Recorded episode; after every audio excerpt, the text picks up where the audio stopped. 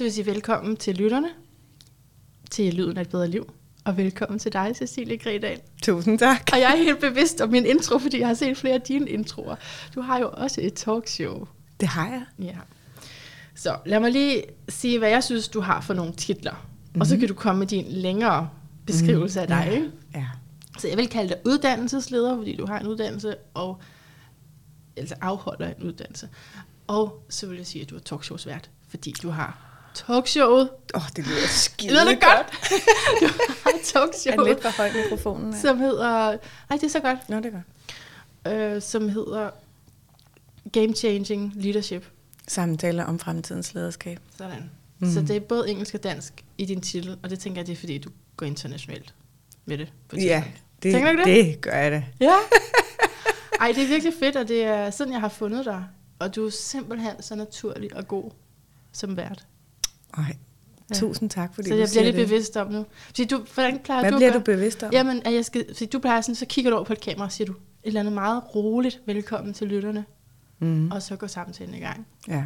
Jeg helt sætter rammen. Ja, Øhm, ja, det, fu- det, fun- det fungerer for mig. Men det er jo fordi, jeg har, jeg har lavet det, de første programmer, jeg har lavet live, for ligesom at skabe lidt større interaktion for folk. Øhm, men nu tror jeg, det skal noget andet. Det talte vi også lidt om, før mm. vi Mhm. inviterede jer med indenfor. men det er bevægelse, så det vil vise sig. ja.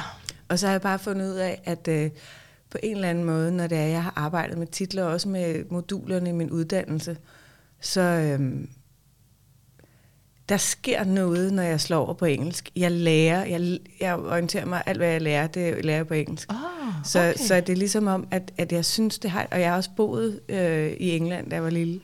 Jeg har sådan et andet, øh, der sker noget andet i energien, når det er, jeg begynder at, at, at tænke engelsk. Og så synes jeg, det der game changing, der er så mange dimensioner af det, som jeg synes er mega fedt. Og, og der er også andre, der sådan står af på, der synes, det er poppet, men, øhm, men, men fra mit perspektiv, så har det en dybde, som øhm, vi måske kommer ind på i dag. Nu må vi det, vise Det sig. regner jeg med. Jeg har store forventninger med al Fantastisk. den her skytteenergi. Skulle jeg lige starte med at sige ja. Noget om det her horoskop, og så kunne det måske være bindeled til at snakke mere om det her game-changing leadership. Skytten. Mm. Altså jeg vil faktisk godt starte med at sige noget, jeg ikke vil tale om, så bare helt kort. Det er Okay, svært. Okay, det synes jeg er fedeste start. Prøv at høre, vi starter med at sige det, vi ikke taler om. Det er fordi, det er så svært at vælge, når man har et horoskop. Der er så meget, du kan gå i gang med, ikke? Så det er jo en umulig opgave. Men jeg er nødt til lige at sige, at du... Det er det, der hedder en emneafgrænsning, det her. Ja, Det laver vi nu. Ja. ja, det rigtige kommer lige om lidt, men du har månen i stenbukken, og det er ret vigtigt, fordi at det er det, der handler om lederskab. Mm. Det der øh, interessen for lederskab, det er det at være en leder. Det, det, altså månen er dit filter, du har endda også Venus der, så det er meget stærkt. Din stenbuk energi er meget stærk. Men så kommer din skytte, som overtrum for det måske. Ej, det er jo, så det, kan- du kombinerer de to ting jo. Øhm, altså, det gør vi jo med alt, hvad, hvad vi er i horoskopet, men du har bare rigtig meget ild sammen med det her jord. Mm. Og skytten er det modsatte af diskret. Hvor stenbukken kan være noget mere rolig og troværdig og lade os altså, tage et skridt ad gangen. Ikke? Så er... Det er sjovt, du siger troværdig, som om, Ja. at, at det kan man ikke være som skytte. Nå, men du er jo... Prøv at tænke på, jeg siger jo det, du er, ja, Ja, fordi du har det i stenbukken. Mm. Men øh, jo, det kan man godt være som skytte også. Men du har bare du har så meget skytte, at det er også... Øh,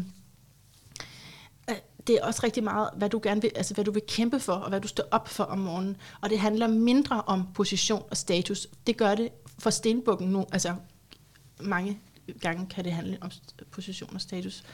Øhm, også for stenbukken. Det gør det ikke for skytten. Det handler om sandheden. Mm. Og det, det er så vigtigt at få det ud, og derfor bliver det nemlig meget vigtigt at blive hørt, så derfor ligger der også til skytten den her broadcaster, forskellige ud, altså udgivelser af, af, af bøger, af alt muligt. Øh, fordi der er virkelig noget på spil her, og det er så stærkt. Og det er visionært, og det er håbefuldt, og så er det også helst, i hvert fald den positive udfoldelse af skytten, kombineret af forskellige retninger, altså eklektisk. Det er lige mig. Er det? Jeg er totalt eklektiker. ja, men jeg har siddet for gåsehud, når jeg har set øh, på dine interviews, og ja, på din hjemmeside, Cecilie, fordi du, du er så skytteagtigt, og den smukke skytte. Nej, hvor er det... øh, Virkelig. Tusind tak, hvor er det smukt sagt. Ja. Ja, men det er meget smukt at se på. Så forventningerne er helt oppe. Shit. ja. Det skal vi se, om vi kan leve op til det her. altså, først og fremmest, så kunne jeg godt tænke mig at høre, når du siger, at det er game-changing leadership, hvad det så er for et game. Ja. Altså, øhm, det jeg tænker, det er livsgamet. Det er øhm, den måde, vi forstår hvor os selv og den måde, vi interagerer på. på. Øhm, når vi er meget i vores følelser, så reagerer vi rigtig meget på, mm. øhm, på det, der er omkring os, og det, øh, det vi bliver fyldt af. Men når vi arbejder for et andet bevidsthedsniveau, altså det er ligesom at komme op i helikopteren, så hvor energien og hvor perspektivet er langt mere generelt, så er energien også højere. Og det er der, hvor vi kan iagtage mønstrene og programmeringerne. Så vi bliver programmeret, når vi er små, og det er mest det, vi arbejder ud fra. Ikke hele det der, du ved, um, Dr. Joe Dispenza og alt det her. Altså nu kommer eklektikeren jo ind, ikke? Ja, det er fint. Fordi vi har både al den viden omkring neurovidenskab, kvantefysik, epigenetik, så har vi det omkring øh, bevidsthed. Jeg arbejder ud fra de tre principper. Så arbejder jeg med læring. Altså det er hele det her metaperspektiv og sådan en dyb, dyb forståelse af, hvordan vi definerer ting. Ja. Og, øhm, så, så øh, game changing, altså det at sætte spilleregler, er jo også at definere noget. Så du ved, der er nogen, der kan sige, altså det er ligesom, hvis man kommer med en ny idé, så tror jeg, at alle mennesker, i hvert fald hvis man lytter med på din podcast, så har man oplevet, at der er nogen, der siger, ah, men sådan gør vi ikke her. Ja. Ikke? Så er der ligesom nogen, der har defineret spillereglerne, eller gamet, mere eller mindre bevidst. Og det, som jeg øh, er så optaget af, er, at vi kan ikke længere forstå os selv ud fra det gamle paradigme. Altså, det er en ny tid. Det er, en, det er, eller, jeg ved ikke, en tid er jo altid ny, kan man sige, når man træder ind i noget, men der, der, er, der er sket et skift. Ja, det, det går så stærkt mm, nu. Mm. Så vi er nødt til, når vi er øh, bare direkte i vores følelser, når vi kigger på det, sådan, på det lavere, øh, det meget sådan, øh, specifikke niveau, så, så reagerer vi på så mange områder. Og det er det, der skaber stress og depression og angst og alle de her ting, fordi vi simpelthen ser ting lidt for småt. Og det er jo også en del af at være menneske, vi skal gøre det. Men når vi så kommer op på et lidt højere niveau, så kan man sige, så kan vi begynde at agere, jo mere defineret vi er i os selv. Og når vi så kommer op på et endnu højere niveau, hvor vi, energien er ekstremt høj, og vi virkelig kan jagtage de her mønstre og sådan noget, så kan vi begynde at kreere noget andet. Det er der, hvor vi er så stærke i vores egen energi og i vores intuition. Så at højne bevidstheden, men så særligt for ledere, fordi hvad? Grunden til, at jeg beskæftiger mig med ledere, det er for, at impacten og effekten er størst. Ja. Fordi øh, jo mere at øh, de trækker, jo mere kommer det mange mennesker til gode. Mm-hmm. Og, og jeg, øh, altså jeg er jo sådan et menneske-menneske. Jeg er jo så drevet af kærlighed, og jeg har jo, mm. har jo, er jo dybt optaget af, i virkeligheden vil jeg jo gerne hjælpe alle mennesker. Yeah. Øhm, men jeg må også sande, at der er rigtig mange, heldigvis, der er rigtig gode til at hjælpe mennesker.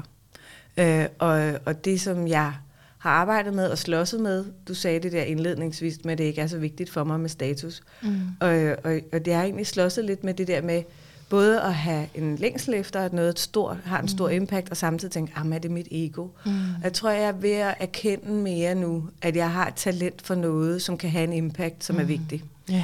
Så du ved, det er det der med, hvor tidligere så har mit ego måske, øh, ja, det er det har drevet mig yeah. langt frem, yeah. så har jeg været i sådan en skift, hvor mit ego måske har hivet mig lidt tilbage og sagt, ej, hold nu op, og det, måske kunne man også.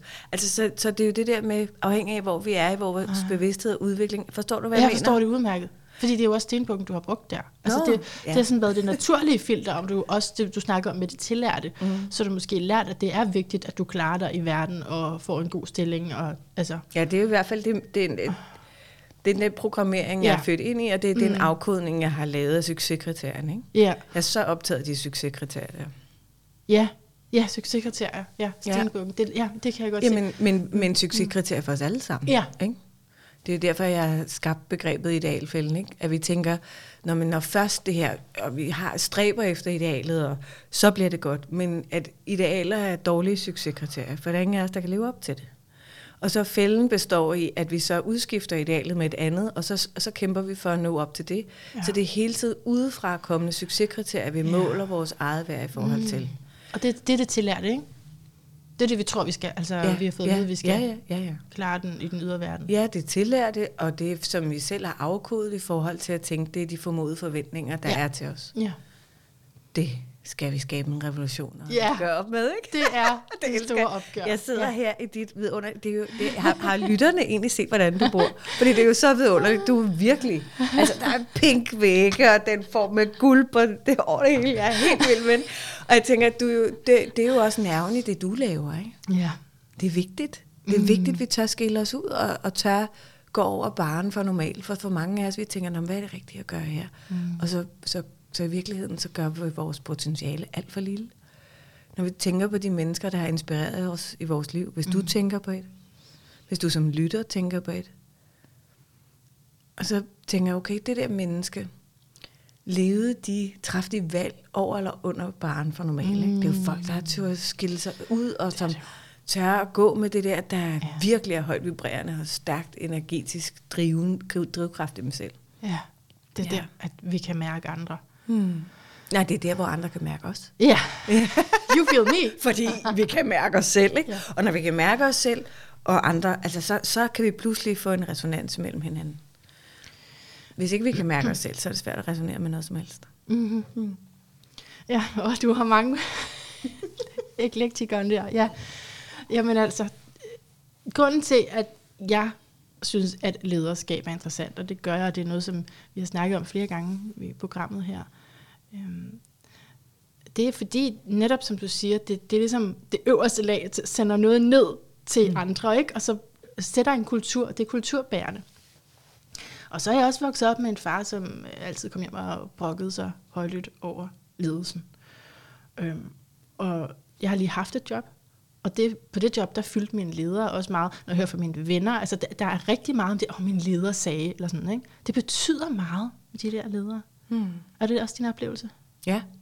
Det er et stort Ja. ja. ansvar, ikke? At være leder. Altså på den måde, du kan fylde så meget ansvar. i andres bevidsthed også. Ja, ja, ja, ja. Øj, der er mange ting, jeg gerne vil sige samtidig.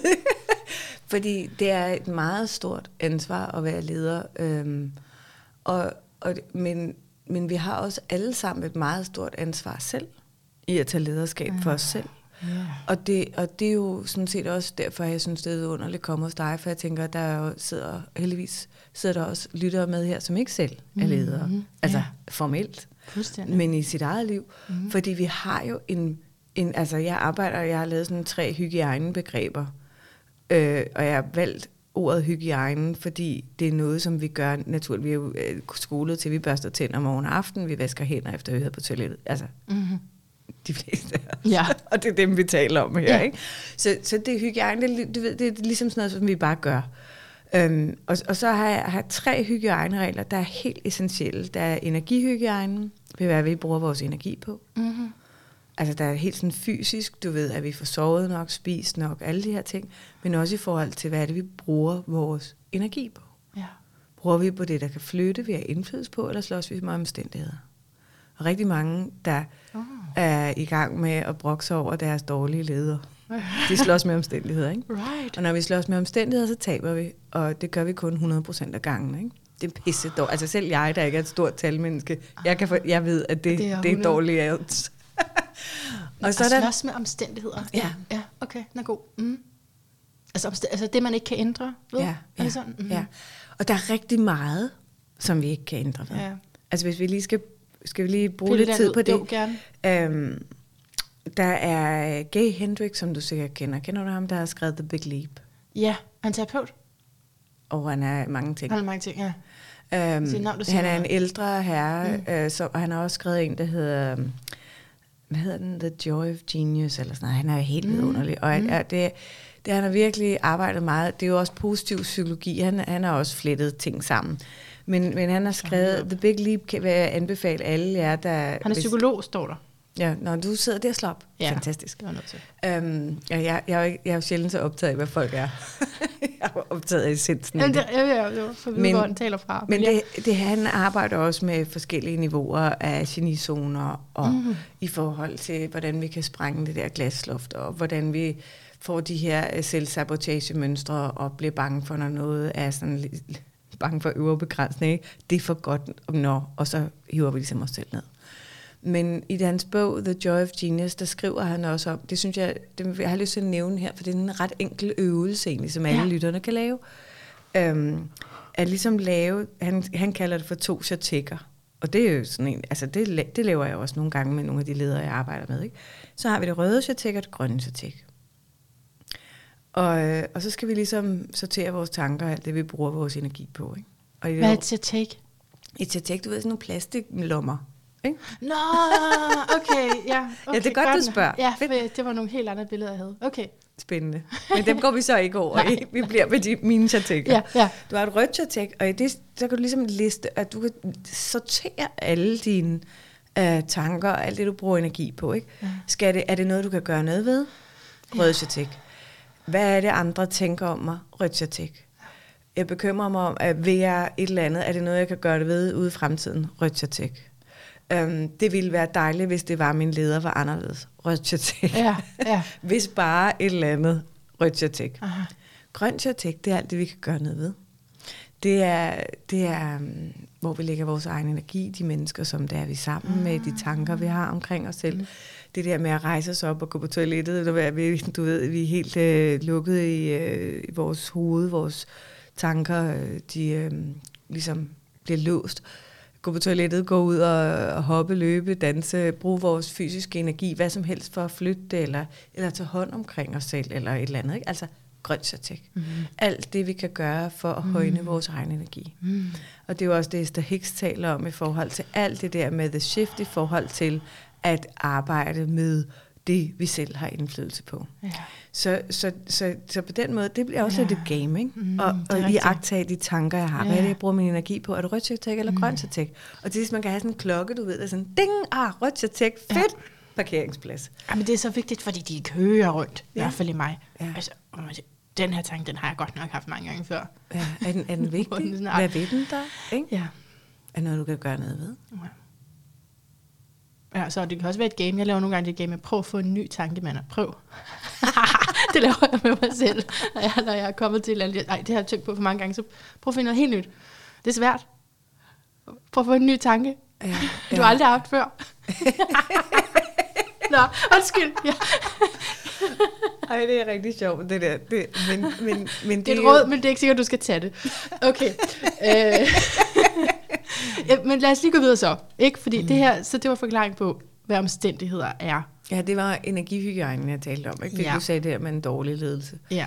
Så vi har selv et ansvar for, hvad, hvordan vi forvalter vores egen Men det er kun et på, punkt et Det er i, energihygiejnen. i dine tre hygiejner. Så er der øh, det er relationshygiejnen. Det er de mennesker, som vi omgiver os med. Altså, at vi har en høj hygiejne omkring dem. Du ved, er det folk, der giver god energi? Er det folk, der giver er generøse, som er kærlige? Som Hvad hvis er, det er en af omstændighederne, at man ikke kan gøre noget ved det? Hvis man for eksempel arbejder med Men nogen, det vil jeg altid udfordre. Hvem, hvis man arbejder der? Ja, ja. Men, men det kan godt være, at du kører derhen. Altså, for først vil jeg sige, skal du arbejde der? Ja, Okay. Tror du på det? Synes du, det flytter? Er det, er det bundet op på dit talent og dit formål? Aha. Ikke? Ja. Øh, og, og så er det jo det der med afvejningen, fordi hvis der vi bare siger, det er ikke alignet med mig, så får vi heller ikke forandret noget. Så det er jo også nogle gange det der med, tror vi på, at det forandrer sig, at jeg er der? Og, og indimellem, så er der alt for mange af, af jer, siger jeg, og mig. Gode Men mest jer. mennesker. Nej, men, men, men det, jeg siger kun jer, fordi der jo heldigvis sidder mange her og lytter med. Ikke? Og, og det er noget, jeg har arbejdet så sindssygt meget med, og blevet mere bevidst om. Jeg gør det også stadig selv. Er blevet væsentligt hurtigere til at opdage det. Men som, som, bruger, som bliver for længe i noget, fordi vi ønsker og tror på, at vi kan lave noget om. Og vi glemmer, at det ikke er sikkert, dem vi har lyst til at leve om, har en interesse i det. Og hvad snakker du om der? Parforhold, venskab, Alt. arbejdsforhold? Alt. Alt. Mm. Leder, Du ved, hele vejen rundt. Ikke? Vi bliver for længe noget, giver for meget af os selv. Prøv, om hvis nu er, altså, ved du hvad, jeg arbejder med dygtige, sindssygt skarpe, velbegavede mennesker. De gør det også. Ikke? Fordi de har format og ka- og kapacitet til at forandre så meget, så de tænker, jeg kan nok ændre på hele den her arbejdsplads, ikke? og gøre alt muligt. Men hvis det er der lige ledelsesniveauet over er en, der ikke vil, ikke? Så, så kan man sige, "Nå, hvad, kan, du, kan du være tilfreds for det, du kan ændre inden for det her område? Eller skal du så bruge dit energi på noget andet? Altså det der med at afveje det mere rationelt ind i vores følelser, hvor vi ikke føler os gode nok. Også. Altså, ligesom sige, tror jeg på det? Giver det mening? Ja. Og jeg tænker også, at det må være intuitivt, eller hvad? En intuitiv øvelse, om, de her, om det er godt for mig, om jeg kan ændre noget, eller om jeg skal flytte mig. Jeg tror, det kan, vi kan bruge begge hjernehalvdele i den her Ja, øvelse. ikke? okay. Der er også noget rationalitet fordi, der. Ja, fordi vi kan også gå tilbage og sige, "Nå, men, hvad er min hit record på det her? Ja. Altså alle de gange, fordi de fleste siger, øh, Nå, men så skal jeg bare være mere tydelig. Ikke? Så skal jeg være mere tydelig, sætte øh, større rammer og grav et eller andet, bum. Så, så, så bliver det godt. Mm-hmm. Men lad os så prøve at se på, har du gjort det på andre tidspunkter? Hvad var effekten af det? Altså vi laver en analyse af, hvad er Mm. Effekten af der, hvor jeg har gjort, fordi det, det gør, at vi bliver lidt klogere i måden, som vi bruger os selv på fremover. Mm-hmm. Og jeg, jeg tænker, øhm, jeg personligt har, er, er så drevet af mine værdier og integritet, så jeg kan ikke være i noget, jeg ikke er alignet med øh, hvis jeg skal arbejde der. Jeg, jeg, og, og faktisk de fleste steder vil sige, det er ikke, det vil jeg ikke mere bruge mit krudt på, for slet ikke, når det er, jeg ikke tror på det. Men, men hvis jeg kan mærke, at der er et menneske i, i det her, øhm, som måske leder det, eller på en anden vis, har, har lyst til, selv har lyst til at gøre noget andet, øhm, og bevidsthed, men, men måske mangler evnen til, så gider jeg godt gå ind i det. Fordi så tror jeg på, altså så, Så kan så, kan jeg se, så kan jeg se, så er der noget, der kan flyttes. Men hvis de ikke selv har bevidsthed om det, altså det farligste, det er jo, det er jo dem, der er ubevidst inkompetente. Ja, Ikke?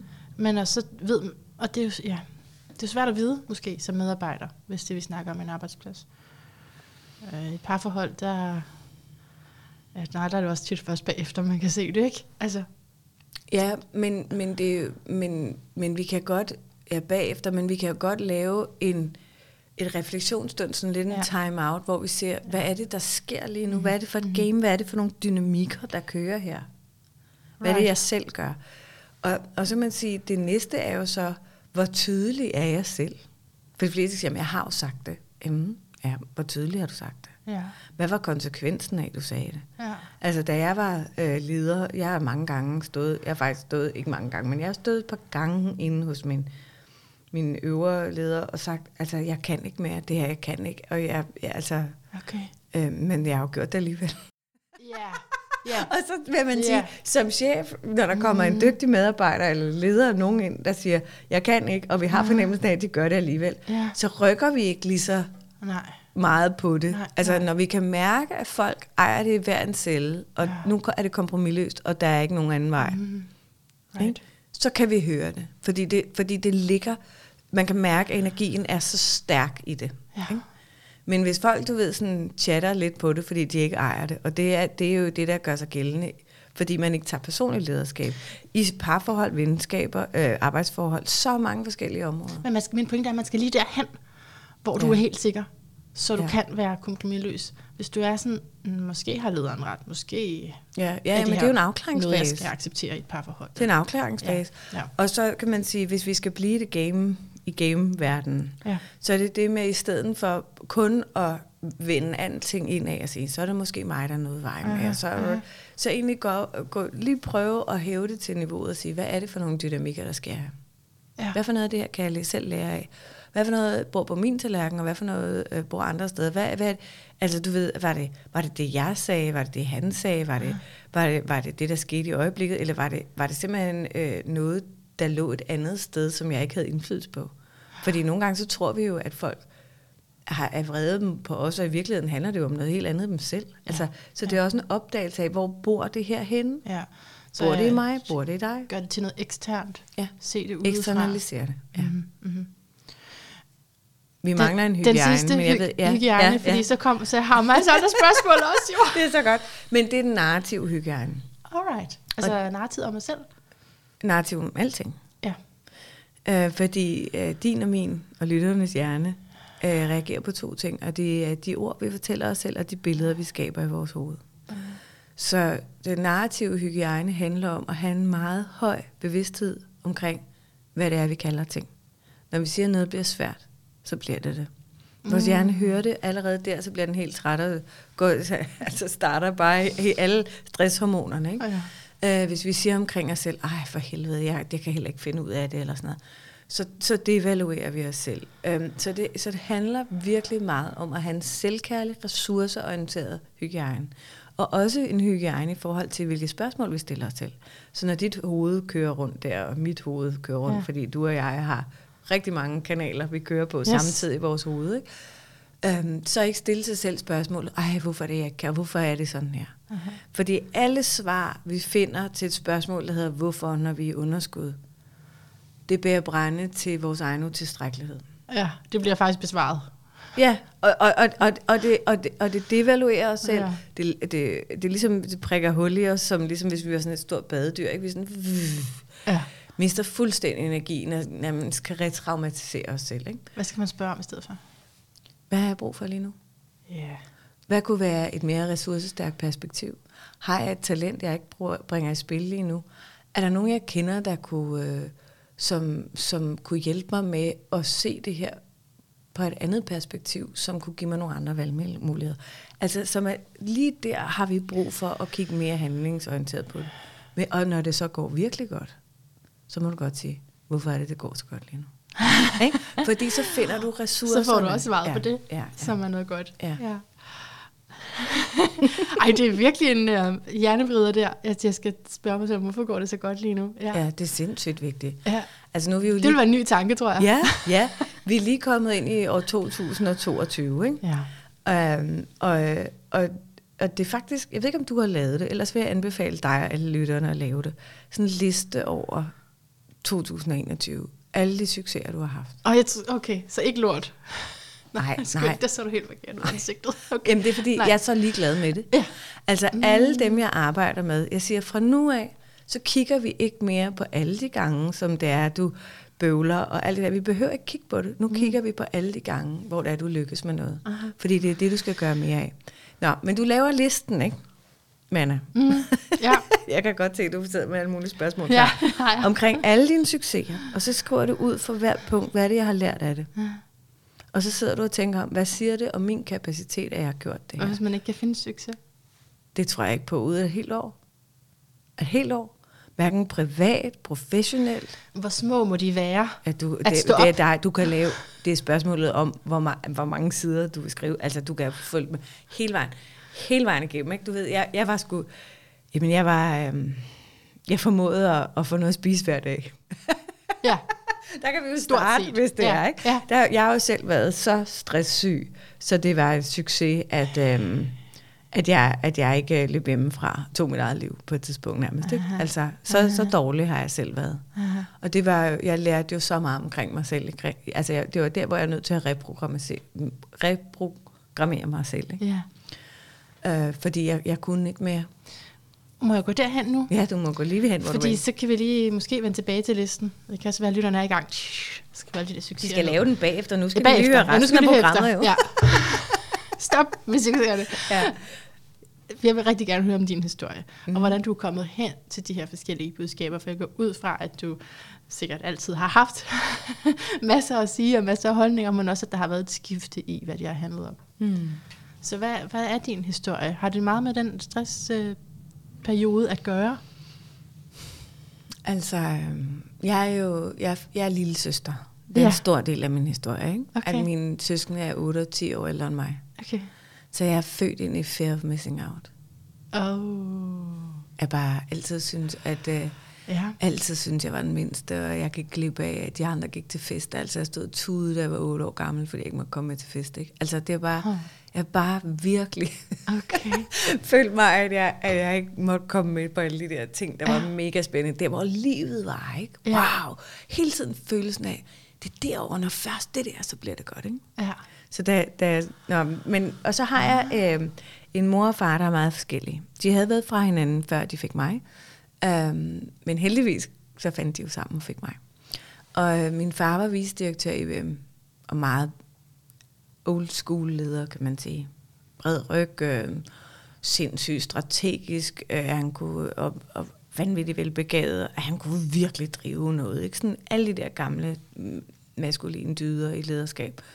Og min mor var bare sådan et livsmenneske, øh, spirituel og øh, søgende og undervist i drama og bevægelse og blev afspændingspædagog og selvstændig. Ah. Alt muligt, ikke? Og undervist folk i at holde taler og alt det der. De har begge to skrevet bøger, ikke? Min far har skrevet en bog. Der hed uh, Gold, Gold Nuggets Galore om, om øh, moral og etik i erhvervslivet, og min mor har skrevet en bog, der hedder Stå frem med selvfølelse, der handlede om, hvordan vi er i verden, og øh, ligesom kan, kan kommunikere stærkt fra os selv. Wow. Og jeg arbejder, jeg er så, kan du se, jeg, jeg har fået øje på, jeg er så hende, der står lige midten, og, skriver, og, og, og måske en dag skriver en bog, der handler om begge dele. Ja, for en af de to. Ja, Wow. men, øhm, men du ved, i alle familier er der dynamikker. Ja. Og, øhm, og min bror øh, og far, de gjorde jo lidt grin med min mor. Fordi hun var søgende og flematisk og alt, alt, alt muligt. Jeg ved, hun var ikke bare flematisk, hun var meget kreativ. Hun var sindssygt anderledes. Og synes jeg, flegmatisk er den her brændende temperament. Ja, altså, ildres- og det ved jeg ikke, om det bare var. Det synes de måske nogle gange, Ja, hun var. ja. Altså, der er jo så mange, der kan synes noget andet, ikke? Jo. Um, Perspektiv. Om, om, ja, og meget af det, andre synes om nogen, bor jo i dem selv, ja. og deres egne skygger. Men mm. det, det tror jeg ikke, vi har tid på til at komme ind på i dag. Men, men, men det, der skete i alt det her, var jo, at jeg lyttede til det, de sagde. Og det var ikke ondsindet. Det var bare sådan måske lidt mere stigmatiserende, sådan lidt, nå, nå, hun er også sådan. Så jeg tænkte, "Nå, men der er jo noget her, der er mere rigtigt end noget andet. Så meget hurtigt så tænker jeg, alt det der, jeg har, der minder om min mor, når jeg fik komplimenter, altså lige siden jeg blev født nærmest, har jeg holdt tale. Og altså altid, du ved, fyldt skide meget. øh, spillet teater og sådan noget. Og når jeg fik så nogle komplimenter, så var jeg bare sådan lidt, ja ja, det kan alle jo. Så hvornår er det, de siger, jeg er et eller andet andet? Så du, særligt. Ja. ja, nej, men at de der særlige øh, stra- strategisk målrettede, vedholdende, disciplineret, altså alt det er faktisk ikke er ret meget. Nå, det vil du gerne have, de skulle sige, ja, at du var. fordi det tænker jeg var de, de Det var succeskriterierne. Det var talenterne, der Aha. var mere rigtigt, og succeskriterierne. Aha. Og jeg, jeg vil anbefale uh, lytterne også at sidde måske bagefter og, og kigge på, hvad er det for nogle talenter, jeg har tænkt var mere rigtige. Ah. Og hvor er det, jeg får talenter for noget, eller øh, komplimenter for noget, som jeg devaluerer selv og tænker ikke er noget særligt for alle kan det. Det er den kæmpe store, øh, det er det kæmpe store selvbedrag. Ja. Ikke? Fordi vi tænker, at det der, vi har nemt væk er noget særligt, fordi vi har den her protestantiske arbejdsmoral, der hedder, at vi skal knokle afsted, vi skal gøre os fortjent til noget, og det skal være lidt hårdt, ellers er det ikke noget værd. Mm-hmm. Det, det er vi nødt til at ændre. ja. Ikke? Fordi det er letheden og kreativiteten, der virkelig... Vi skal lige tilbage til din historie nu. Ja, ja. Men, men det var alt det her, jeg troede, det var sådan. Ja. Og så hørte jeg min bror øh, også øh, med nogle af sine venner sige et eller andet om, at enten skulle man være student, eller også skulle man være sproglig. Så, Ah. ah. så jeg, jeg er jo sproglig nærmest i verden selv, men jeg blev matematisk student. Okay. Fordi jeg Og skulle du skal jo bare student. 100 procent på det hele. 100 procent? Nej, undskyld, det var 100% sjovt. hvad? Det var det, vi snakkede om før, men det var, du var dårlig til at tale, men du kunne godt finde 100 procent. Nej, Ja, det er rigtigt. Jeg, jeg er omkring omstændigheder, ja. Men, men det interesserede mig jo ikke. Øh, så jeg valgte Blev du en- det? Gjorde du det? Ja, jeg gjorde det, fordi... Det er da det er tre år, helt ikke? absurd. Det er da flot. Det er helt absurd, og ikke noget, jeg er særlig stolt af. Nå. Jeg var medlem i alle udvalg i gymnasiet. Jeg var formand for de fleste af dem. Jeg øh, dyrkede, øh, altså jeg, jeg levede nede i kantinen. Jeg var øh, på festival, jeg, var, jeg, var, jeg lavede, oplevede, opfandt nye udvalg. Jeg var virkelig gode venner med rektor, og jeg havde det en fest, og jeg var bare ikke ret meget til de der timer. Og hvorfor Nå, var det, jeg så okay. fik en studenterhue? Det var, fordi jeg ville køre med vognen, for det havde min søster gjort. Og jeg ville faktisk på det tidspunkt have været skuespiller, så jeg tænkte, jeg skal jo ikke bruge det til noget alligevel. Okay. Det er fuldstændig lige meget. Men, øhm, men jeg blev student, fordi jeg ville køre med stu- studentervognen, og jeg fik 14 hakker i min hoved. Jeg gik ikke hjem fra en fest, før at jeg var den Nå, sidste, okay, der er set solen stå. Ja, det, det, det, det, det betyder, at man har set stolen Du stå. ved godt, at skuespillerne er ellers den fødte dramatiker, ikke? Altså, nå, så det, Ja. du kunne godt have blive skuespiller, hvis det var. Øh, jamen, det var det, jeg ville på det tidspunkt. Ja. Ja. Men det, så var jeg jo i praktik, for jeg ville kende nogen, der var filminstruktør. Jeg var med ude, og jeg fik Nå. bare et chok. Jeg var med ude til nogle optagelser på Gyngehøvdingen. Jeg fik et chok over at være flue på væggen og høre, at, fordi ingen regnede med mig. Og der kom nogen ind, du ved, og lige så snart de var gået, så bagtalte de andre dem. Og, Oh, og alt det der. Altså, jeg, jeg tænkte bare, dårlig etik. ja, Ej. jeg, jeg tænkte, det fandme, det, det, det her, det kunne jeg slet ikke være i, apropos min øh, værdi og integritet. Ja. Det passede ikke til mig, og det, som han også sagde til mig um, dengang, det var, han sagde, øh, altså, man skal kunne have lyst til at sælge sig selv igen og igen, og så tænker jeg bare, det er ikke for mig, det ved jeg, jeg, jeg gider ikke sælge mig selv. Uh, jeg, jeg vil jo sælge en sag, ikke? Ja, Jeg gider ikke du. sælge mig. Nej. Øhm, så derfor så besluttede jeg mig faktisk for, at jeg ikke skulle være skuespiller. Så tænkte jeg, så skulle jeg være jurist, og det er jo også helt latterligt. Apropos, hvad jeg tænkte var rigtigt, fordi jeg kan ikke engang udfylde spørgeskemaet. Jeg er sådan hende der, der skriver mit navn på den ene side og på den anden side. Det kan man ikke bare sige sådan. Så du ved, det var hele tiden forskellige måder. Jeg tænkte, "Nå, men så skal, apropos idealfælder, jeg er jo idealfældens mor. Det jeg har levet, jeg har slidt mig igennem hele mit liv, og jeg er, har en kæmpe stor kapacitet, så jeg kan bare drive det og knokle det videre og blive ved, fordi det skal nok ende godt. Mm. Men jeg havde jo ikke mig selv og mit eget hjerte med i det. Og så heldigvis, så, så havde jeg sendt til samling nok til at komme ind på lærerseminaret. Synd på det. Og det var jo heldigt, at jeg, for jeg havde jo ikke verdens bedste snit for det der studentereksamen, som jeg, men altså, det var fint nok. Jeg kunne godt blive lærer. Ja. Øhm, og og, og det, var, det var faktisk rigtig fedt, fordi der fik jeg både det intellektuelle og det kreative, og, jeg, og, og så det omkring mennesker, det at kunne se folk gro og arbejde for, at vores kommende generationer, de, mm. og det, har, det er virkelig der, mit hjerte ligger. Ja. Øhm, men, og så meget hurtigt efter jeg kom ud og var færdig som lærer, så jeg blev tillidsrepræsentant, fordi jeg ikke kunne holde min kæft, og jeg gad faktisk slet ikke være det. Men de ville alle sammen gerne have, at jeg blev det. Jeg var sådan, hvis, jeg, hvis jeg skal være det, så kommer jeg ikke til at slå nogen oven i hovedet med de skruebrækker. Altså, jeg gider ikke tage den der fanekamp. Det må, det, så skal I vælge nogle andre. Men Ja. jeg vil gerne arbejde for, at vi bliver en mega fed skole, og det er mega fedt at være her. Og det fik jeg så lov til. Men, øh, Du men, er jo bare en flamme. Altså, det er du. jamen, og folk kan er mærke jo det. De er sådan, jamen, den sidder derovre, tillidsrepræsentanten, ikke? Ja. Jamen, jeg, jeg er det jo på mange punkter, og heldigvis nu bruger jeg jo min energi meget mere konstruktivt. Ja. Men jeg er jo også hende, der brænder, altså nogle gange har brændt ud. Det, blev, det gjorde jeg jo. Ja. Hvad Fordi jeg så, at da jeg har været tillidsrepræsentant noget tid, så tænker jeg, ja, ja, det er fint, men jeg vil virkelig hellere selv bestemme. Altså, ikke, jeg, vil ikke, jeg vil ikke have magten, jeg vil have indflydelsen. Ja. Så blev jeg leder i skolevæsenet, og var det i 10 år, og var jo faktisk mega glad på mange områder i forhold til det arbejde, jeg lavede. Jeg synes, det var sindssygt meningsfyldt. Men fuck, hvor jeg også knoklet. Altså, ja, ja, øhm, og vi havde tre unger, og min mand havde også et øh, lederjob, og de, var, du ved, konkurrenceidræt og alt muligt, og lederuddannelser, og jeg var bare, Hold op. det er, jamen, jamen det, men det er jo det, rigtig mange mennesker gør, Jo, ikke? jo, jo. Og, og, og der skete flere ting på skoleområdet på det tidspunkt. Der var lockout. Det var meget hårdt på den skole, jeg var på, af flere årsager. Øh, vi havde et lederskift. Jeg var, ved at, jeg var faktisk ved at revolutionere skolevæsenet fuldstændig. Øh, Hvad år er vi tilbage i her? øh, ja, hvad er vi tilbage? i? Det ved jeg. Nej. Kæft, det, det er jo sådan noget Det med var tal, ikke? Det er sådan noget konkret. 2000 og, det er 8 år siden, tror jeg. Ja, okay. 7, 8, ja, syv- noget der. Ja. Ja. Eller andet.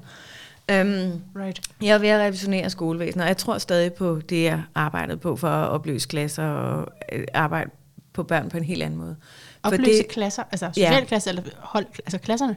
ja, klasserne. Okay. Og strukturere det på en anden måde, fordi det, jeg kunne se, er, at vi har skabt et system, som som laver et for smalt et normalt begreb, hvor, det er, hvor vi sammenligner os selv på så mange måder, som ikke fordrer læring og kreativitet. Men så, og så min, må- mit mål var dengang at udvide normalbegrebet. Ja. Ja. Og det som Ja! jeg... Ja, ja. Men det er faktisk mega slidsomt. Og, og det, jeg- så forlod jeg, jeg, jeg skiftede så job, øhm, øh, fordi af, af forskellige årsager skiftede jeg, jeg var, mega, jeg, jeg var mega stresset i mange år. Altså jeg sad nede hos vagtlægen og troede, jeg havde sklerose, og fået at vide, at, at det havde jeg ikke. Jeg var stresset, og så tænkte jeg, nå, nå, okay, det er jo ikke farligt, så fortsætter jeg bare.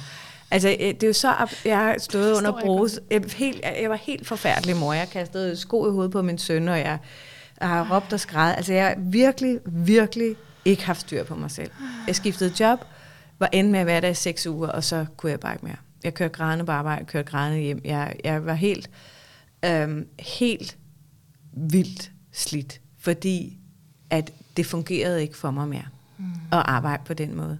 Og det var jo fantastisk. Jeg var mega dygtig. De så mig i øjnene og sagde, hold kæft, hvor er vi glade for, at du er kommet. Ja. Det her, det tror vi på. Og jeg troede på det. Du var der også. Men jeg, men, og jeg kunne kun arbejde, men jeg, og jeg kunne ikke sove. Jeg havde angstanfald. Jeg, altså, det, det, du ved, jeg var bare ikke... Jeg, jeg, jeg, jeg kunne ikke mere. Så hvad skete der efter de seks uger? Sagde du op? Der skete eller det, jeg sagde op. Meldte du dig syg? Jeg, jeg, jeg Eller sagde op, dele? Okay. og så meldte jeg mig syg. okay. Og det sagde alle, at det er med en dårlig løsning. Øh, det er jo en dyr løsning.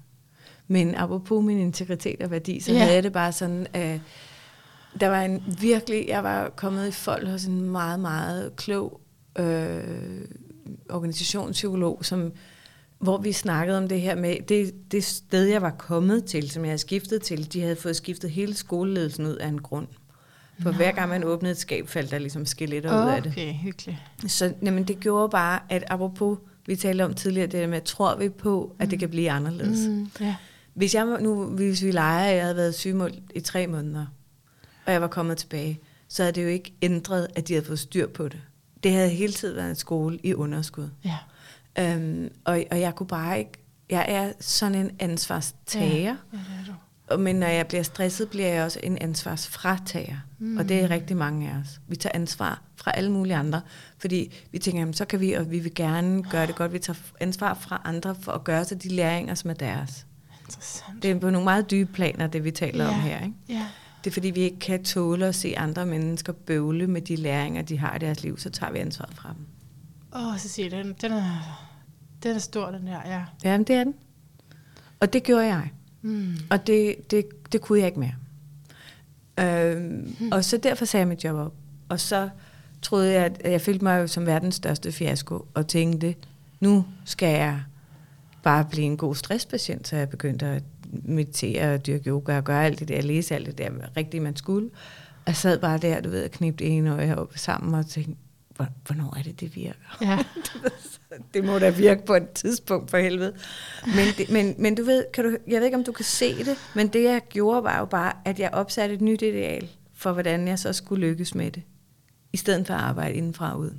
I stedet for egentlig at finde ud af, hvad er det egentlig for nogle succeskriterier, du har til, hvad er det for nogle talenter, du har. Jeg blev ved med at tænke, at når jeg fik komplimenter for, at jeg kunne opløse konflikter, at jeg kunne skabe inspiration og følgeskab og alle de her ting, nytænke, at jeg kunne... Øh, altså, jeg er en virkelig, virkelig dygtig personaleleder, tænker jeg, omkring de mennesker, at se talenterne, så, så var jeg bare... Øh, jeg kunne bare ikke mærke det, og så jeg tænkte ikke, det var noget særligt. Nej. Fordi jeg jo gerne stadig ville have de der succeskriterier, i gamle dage tænkte på mere rigtigt. Så selv når du sad der og var i recovery, Ja, så og tænker jeg... så havde du de gamle ja, normer med ja, dig. Ja, ja, det havde jeg. Det var stadig det, du skulle opnå. Ja, ja. Og det interessante, jeg arbejdede så med enagrammet. Jeg, jeg, jeg, jeg var sygemeldt i 10 måneder. Um, og jeg, da jeg ligesom fik øje på, hun spurgte mig nemlig en dag hende der, så sagde hun, hvordan skal du leve dit liv, når det er det virkelig, når du virkelig, altså når du har det godt, hvad er det Ja. så, du skal? Og så kan jeg sige dig, så havde jeg en liste slang. Det, ja, og alt det, jeg skulle, og alt det, så du ved, bare boller og dyrke yoga og gøre alt muligt. Ja. Og så sagde hun, hvor meget af det gør du nu? Og så tænker jeg, okay, jeg kan fandme ikke engang finde ud af at være stresssygemeldt. Altså, jeg var bare, jeg følte mig som mm. verdens største fiasko i mit mm. liv. Og jeg, kunne, jeg, jeg tænkte vidderligt, at de talenter, jeg havde, ja, ja, det er fint, det der med, at jeg har fået at vide, at jeg kan gøre folk glade, men det kan man jo ikke leve af. Mm. Altså, det er der jo ikke nogen fremtid i. Og det er jo det, det, er jo det blind spot, de fleste mennesker har på deres egne talenter. Det er derfor 85 procent af arbejdsstyrken ikke er ordentlig glæde. Ikke? Fordi det ikke bliver brugt Fordi til det, de til har blind spots mm. på deres egne talenter. Ja. Mm. Fordi vi tænker, det ikke er noget særligt. Fordi vi ikke tror, at vi kan lykkes med det, der vores hjerte i virkeligheden brænder for. Hvordan banker det? for. Jamen, øhm, det, det, det, det, altså, Vi ser dig der og sidder og mediterer. Ja, vi sidder, med, ser, sidder ser og mediterer, og så opdager jeg jo det der med, øh, med, øh, med at jeg ligesom bare opstiller de der succeskriterier hele tiden, Ja. uden egentlig at, at selv kunne leve op til dem, og bare blive ved med at slide. Ja.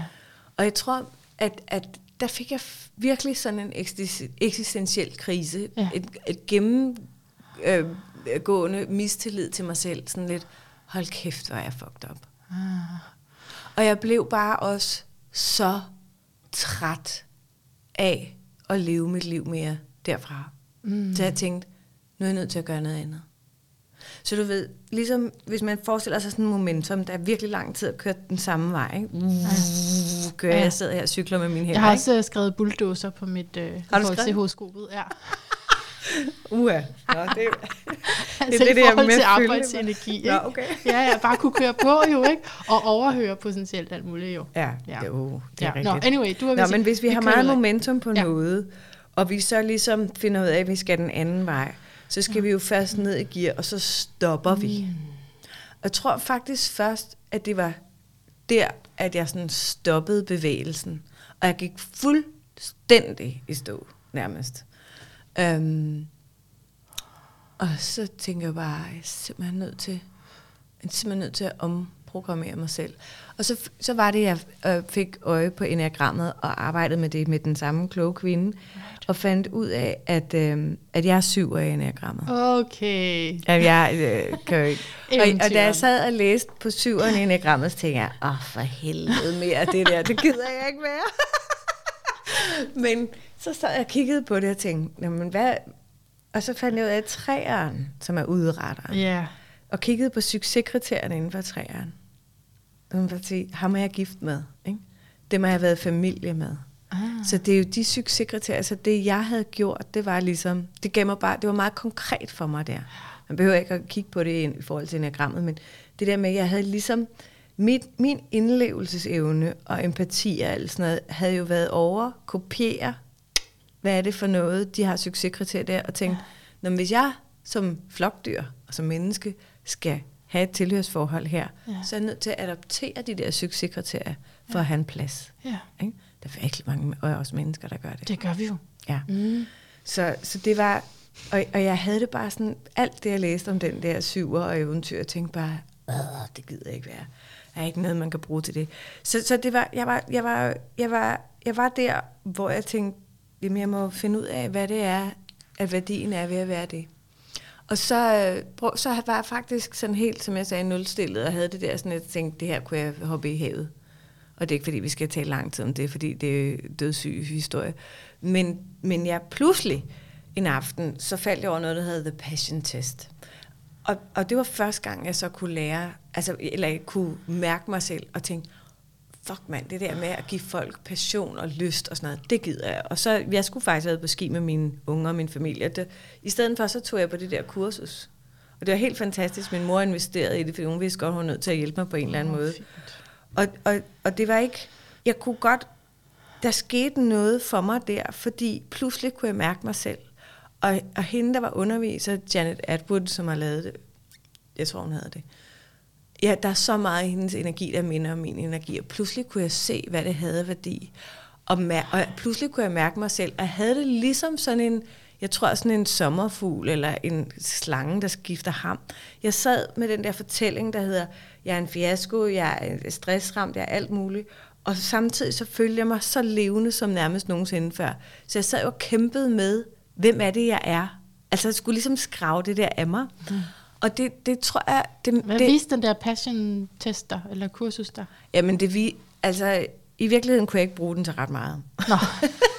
jeg har arbejdet med at videreudvikle den, fordi jeg var så langt væk fra mig selv. Okay. Så jeg har videreudviklet den efterfølgende for at komme ind på nogle meget dybere niveauer, fordi jeg var faldet så langt væk fra mig selv. Og det er det, som jeg har udviklet til det, jeg kalder for livskompasset i dag. Okay. Så det var ikke bare det, jeg, men det, det jeg lærte dig, det var, det var jo noget omkring mig selv, mm. og noget omkring at værdsætte den essens, jeg har, og det, jeg drømmer om og gerne vil. Og så fandt jeg ud af egentlig, så gik det ret stærkt derfra. Fordi der, du ved, jeg sådan pludselig taget ejerskab og tænkt, fuck, det her, det kan jeg mærke. Det her, det er fedt. Wow, det er nødt til at følge. Og så var det... Det er koncept, eller nej? Nej, det med, altså det med passion. Det med passionen, ja. Og det med øh, at, at kunne inspirere mennesker. Ja. Og, øhm, og, og, og, og så tænker jeg, jeg er simpelthen nødt til at finde ud af, hvad jeg skal med det her. Mm-hmm. Og så tænker jeg, så sad jeg en dag, og så så jeg, at der var en, der hedder Maiken Kyl, der har Unstock, som, så man kunne blive selvstændig og, og leve et liv, Nå, ja, og som ikke var knoklerne. Nordjylland. Yes, som ikke var knoklerne. Ja. Og så med min mors hjælp fik jeg investeret en speciel, idé af det. Ja. Og så, og så fik jeg ligesom skabt mit eget koncept derfra. Jeg vidste Wow. ikke en skid om at være selvstændig. Okay. Og alle sagde til mig, øh, det er ikke særlig godt at gå fra en stresssygemelding til at blive selvstændig. Det kan man ikke, Cecilie. Det er virkelig... Selv min læge sagde det. Altså Nå, alle mulige. Så jeg, det vidste jeg slet ikke. Jeg puttede bare sådan vat i ørerne og sagde, ja ja, det kan I godt. Det må I godt. Apropos relationshygiejne. Jeg Ja. tænkte, jeg lytter til, hvad Maiken siger. Ja. Det her kan jeg mærke. Ja. Øhm, jeg var faktisk ved at hoppe fra det på et tidspunkt, fordi jeg tænkte, fordi jeg havde lyttet for meget til de andre, der sagde, det Ja. kan du ikke. Ja. Selvom jeg faktisk meget tydeligt kunne mærke mig selv i det. Mm-hmm. Og, og så snakker jeg med Marken om det, så siger hun, jeg er bare nødt til at spørge dig, hvad vil være anderledes om et halvt år, hvis du venter? Hvad, hvor, hvor langt vil du være kommet? Og så det kunne jeg bare godt se, jeg kunne ikke flytte mig selv mere. Så ah. det, der skete, var, at jeg ligesom blev kom i kontakt med min mission, og nu skal vi vende tilbage til det med normalbegrebet, Manna. Okay. Fordi det, der skete for mig, var, at jeg tænkte, okay, jeg har hele mit liv arbejdet for at udvide normalbegrebet. Ja. Men når det er, vi har et normalt begreb, når vi vil udvide noget, har vi stadig et definitionskriterie for, hvad det er det normale. Så det, jeg tænkte er, jeg fucking opløser det. Ja. Jeg laver en revolution. Okay. Hvad sker der, hvis ikke vi har et normalt begreb Så mere? i stedet for udvidet, skal det opløses. Ja. Ja.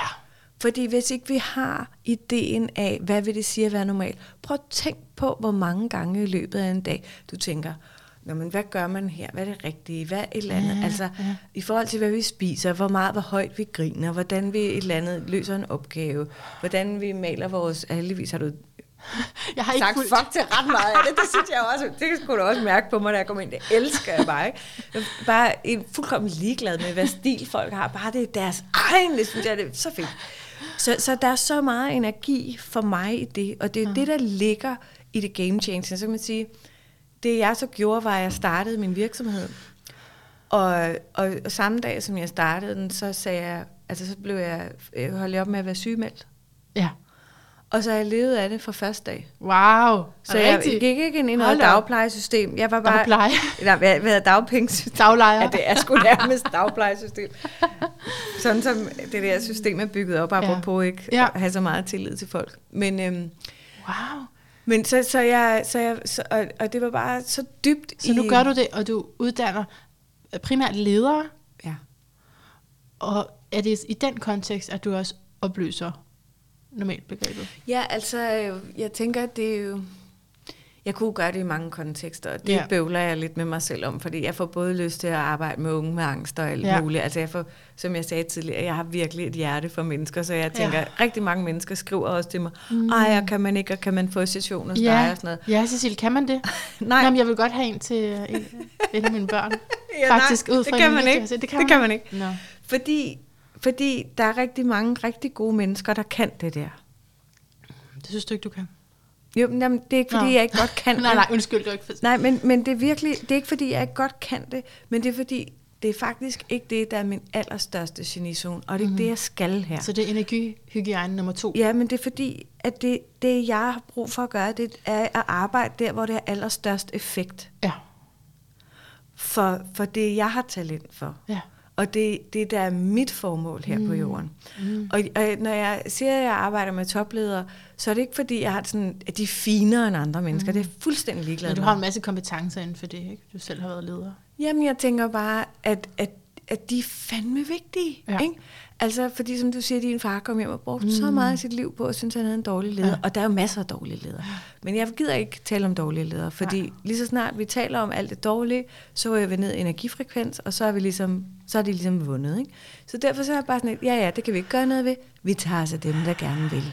Så dem, der gerne vil, det er lige mig. Så, så jeg tænker, at så kan man jo få sessioner med mig i det, Men, men, øhm, ja. men, men jeg, og jeg er dygtig til det, og jeg er god til det, jeg synes, det er sjovt og alt muligt. Men jeg er nødt til at bruge mit talent der, hvor det har størst impact. Ja. Og det er jo både en sorg at sige nej, mm. fordi jeg tænker, ej, hvad tænker andre om mig? Altså ikke Nå, et eller andet. Nå, men det kan vi jo godt have kørende. Det Ja. har jeg da også det? kørende. Mm. Ja, jeg har da masser af de der ting kørende. Men også sikkert, kunne jeg forestille mig, fordi du gerne vil hjælpe, ikke? Ja. Og, øh, Så at er det svært at sige nej, hvis man gerne vil hjælpe. Og så har vi alle sammen det der med, hvad er det, vi er bange for, andre kunne tænke om os. Ja. Og det er jo de værste tanker. Vi kan ikke bruge dem til en skid andet end at begrænse os selv. Mhm. Ikke? Dem skal vi også sige fuck til. Ja. Altså, jeg blev faktisk meget... Det første domæne, jeg købte, da det var, jeg var besluttet mig for at være selvstændig, det var, at jeg købte domænet fucknormal.nu. Selvfølgelig. Ja. Men jeg blev lidt træt af det over tid. Det var en mega god arbejdstitel for mig. Ja. Men, men jeg blev træt af det over tid, for jeg gider ikke være sur. Og jeg, jeg tænkte, jeg gider ikke at øh, stå en masse ud op i det. Men Jeg fik jo taget nogle billeder på ja. Ja. et tidspunkt til podcasten. Jeg tror måske, den var en-to år gammel, øh, hvor jeg havde sådan en kasket på, øh, og sad med benene op på bordet, og så skrev jeg, øh, slå op med normal, eller sådan noget. Ja. Så, ja, sådan at slå op med det. Ja. ja. Men ved du hvad, vi har også en lille smule til fælles med det der skytte. ja. Altså, du har mere, du vinder Jamen, det er jo ikke en konkurrence. i skytte. jeg vinder i Men, og jeg tænker kun i forhold til arketypen. Du er den vildeste arketype i det her. Er Men, det? men der ligger også det i den... Øh, Er det godt? Jamen, det er jo simpelthen Jeg så vil godt. gerne, jeg vil jo Ja, gerne være rigtig, det skal du vide. Det er Du er- noget gammelt, der ligger i mig. Det er, den er så smukt udført, og jeg har i de der videoer, jeg har set, jeg har nogle gange begyndt at græde, altså din vibration er så stærk, og den er så rørende, og, og jeg kan mærke den, og, jeg, og det er, ja, Ej, hvor er du det- vild. det Ej, men nu får jeg tårer i øjnene over. Tænk engang, at du er så sansestærkt et Ja. menneske, at du reagerer sådan. ja, Og hvor skal du være bevidst om din energi. ja. Sådan så det er, at du hiver den hjem, og du ikke overforbruger den, var. Jeg har jo lige været gået ned med stress, og det er også det, jeg har lyst til at sige til, til din historie, der, for du nemlig lige hurtigt med ikke at have lyst til at leve, eller skal mm. jeg bare. Mm. Og sådan havde jeg det også lige Mm. her den sidste år. Siger du sådan en passant? jeg siger lige, Ja, den havde jeg da også lidt sidste år. Jeg skal heller ikke lige leve. Ja, præcis, men det er faktisk lidt, også noget, der ligger lidt til skytten. Altså det ligger mest i fisken, det med det suicidale, men ellers skytten kan jo, hvis ikke der er netop passionen, og det man kan grine af, og det man kan brænde for missionen, ikke? Øh, så, så kan man ryge helt ned. Altså det er, ja, hvis man er rigtig god, så har man øh, en manio øh, depressivitet også. Så Altså kunne- rigtig god. Ja, altså hvis man... Ej, det er en yderlighed. Det var, nå, det var, så prøver du at opnå det. Nå, det er succeskriteriet. Okay. Altså, hvis du er lidt bedre, så bliver du manuelt depressiv. Nej, det var for, for sjovt sagt, men det, det er man kan sætte diagnoser på alle tegn. Alle tegn kan du sætte diagnoser på, jeg lige sige. Det kunne være sjovt at lege med en dag, men det gør vi ikke. Øhm, men det er bare det er den dynamik der med, ellers så kan man altså, så er der jo ikke noget at leve for, hvis jeg kan komme ud med det her. Og det er så stærkt i skytten, at der er noget, der skal ud. Ikke? Mm. Eller hvis man er gået ned med stress, så er det jo meget svært at få det ud, ikke? Så er det jo meget svært. Så jeg synes Ja. bare, det lyder så godt, at du har fundet dine kanaler. Ikke? Ja, men, øhm, og det har jeg jo kun gjort, fordi at jeg ikke kunne, øh, altså fordi jeg blev så presset til, altså jeg kunne ikke mere. Nej. Øhm, og, og, og det er jo det der med, altså man taler om brændende platformer og alt muligt, altså øh, det, du ved, mange allergikere og sådan noget, de sådan får mega ondt i maven af et eller andet, og så spiser de det alligevel, fordi det er nemmest og sådan noget. Men det er jo først nærmest, når de får udslet, og øh, øh, ikke, så holder de op. Ja. Altså det er jo lidt sådan, vi har det med vores knokleri, ikke? Altså vi ved godt, det ikke er godt for os, vi ved godt, det ikke er godt ikke at sove så meget. Vi ved, der er rigtig mange ting, vi ved godt, det ikke er godt. Ja. Men vi gør det lidt alligevel, fordi det er jo det, man gør. Og det var det, jeg tænkte, da jeg kørte på arbejde der og græd, og efter jeg havde forladt min søn på fortorvet, og jeg havde en sko i hovedet på ham, og var helt forfærdelig, fordi jeg selv var så mega stresset og fucked up. Så tænkte jeg, altså det, det, sind, det mest sindssyge ved det var, at jeg ikke på det eneste tidspunkt tænkte, at der var noget galt andet, end jeg bare tænkte, det er åbenbart sådan, det er at være voksen. Åh oh, nej. Altså, jeg, jeg havde oh, nej. virkelig sådan...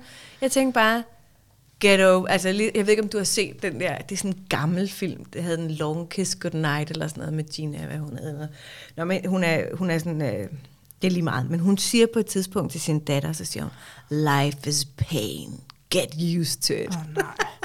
så, så tænker man, det er jo sådan, det er. Det må jeg bare, jeg må bare tough op. Og, og det er jo det, jeg gerne vil revolutionere. Det er jo også en gameforståelse af livet, at det skal være hårdt. Nej, fuck skal dig. Altså, det er jo ikke det samme som... Jeg bander altså meget, når det er undskyld. Okay, jamen det er, når du bliver excited, ja, det er jeg godt. bliver virkelig excited. Ja. Virkelig det, jeg gerne vil øh, inspirere til at sige, vi er nødt til at skabe nogle andre succeskriterier. Og det at udvikle sig selv behøver ikke at være hårdt. Det er der rigtig mange også, der taler om mig og siger, Åh, puh, jeg ved ikke, hvad overgår det, det bliver hårdt og svært.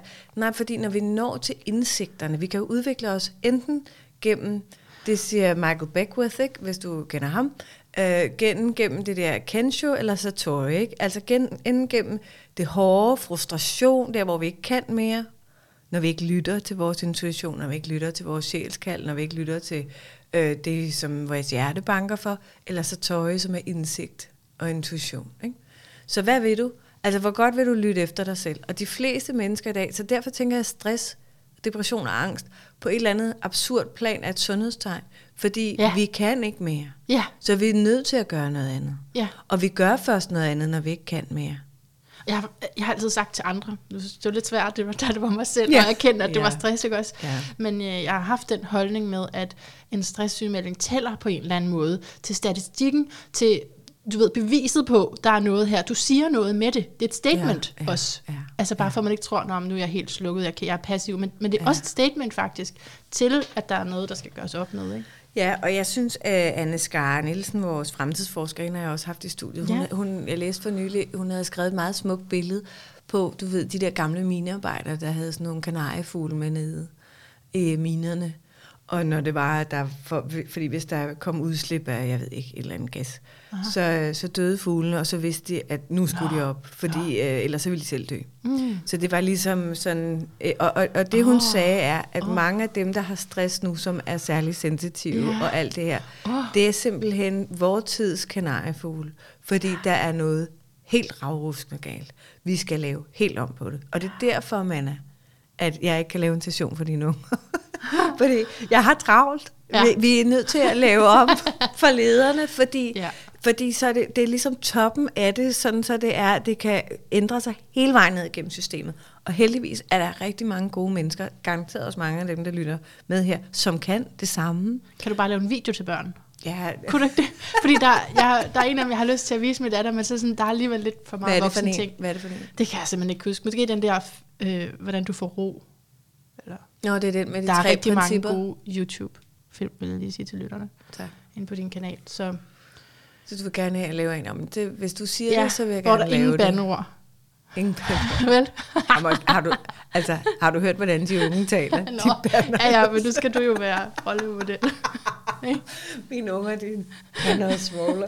Jamen, det, kunne, Det det, er selvfølgelig de en anden måde at gøre det på. Bare gå all in på Nej, nej, nej, nej, nej.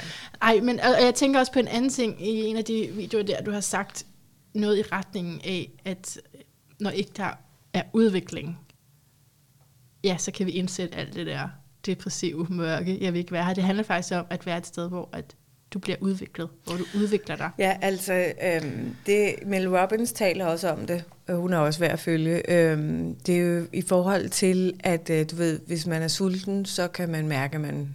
Altså, hvis man ikke får noget at spise, kan man mærke, at man bliver sulten. Ja. Hvis ikke man får noget at drikke, så bliver man tørstig. Hvis ikke vi gror og lærer mm. og udvikler os, mm. så føler vi, at vi er stok, og vi øh, ikke har lyst til at leve. Eller, Ja, altså, ja. Så føler vi os tomme. Ja, men Så det- du, er det også det, var det også noget af det, der skete med din stress der, tror du? At jeg har holdt op med at udvikle mig. Ja, altså selvom at du havde jo travlt og alt muligt, men Ja. det er måske noget med hvilken Ja. slags udvikling, ikke? Ja, og det tænker jeg, du har ret i. Og så har jeg i rigtig, rigtig, rigtig, rigtig mange år haft følelsen af at have et potentiale, der lå og bankede, og som jeg ikke fik brugt. Og det var derfor, jeg for nylig faktisk på LinkedIn skrev sådan et indlæg om, at jeg i mange år gerne ville headhuntes, fordi Ja. du ved, jeg havde den der følelse af, at øh, jeg kan ikke selv se det, men hvor ville det være dejligt, at der kom en voksen og sagde, ved du hvad, Cecilie, du er pisse godt god til lige det her. Ja. ja. Men det er jo også en ansvarsfriskrivelse, ikke? Og mm. apropos fraskrivelse, og vi, apropos det, som vi talte om tidligere omkring, når vi ikke ejer noget selv, kan andre ikke mærke det. Når ikke vi ejer vores talenter selv, så er det meget svært for andre at mærke det. Altså jeg har jo oplevet med de ledere, som jeg arbejder med, du ved, som har fået en bevidsthed omkring deres talenter og sådan noget, de kan gå tilbage, så kan de sige, nu skal vi, vi skal gøre sådan og sådan, og jeg kan mærke, at det, det er det talent, jeg har her, det skal jeg have mere i spil, og så sidder deres leder bare og siger, eller deres chef og direktør siger, ja, det er lige det, vi har brug for. Wow, hvor er det fedt, og ej, hvor er det godt set. Og ja, så kan vi, vi kan oprette en stil. Altså, jeg har en Nå. kvinde, hun har fået oprettet en stilling, som de ald- altså, hele branchen har aldrig haft det før. Nå.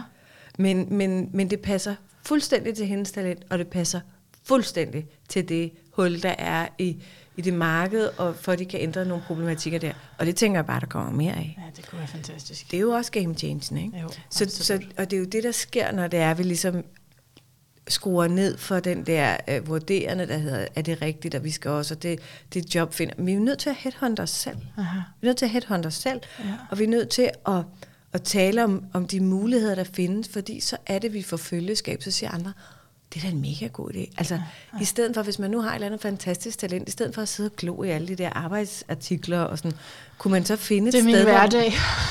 Jamen, kunne du finde et sted? Jobindex.dk. Jeg er jo blevet afhængig. Altså, det kan jeg jo lige så godt sige. Ligesom uh, sociale medier, så er jeg afhængig af Jobindex nu.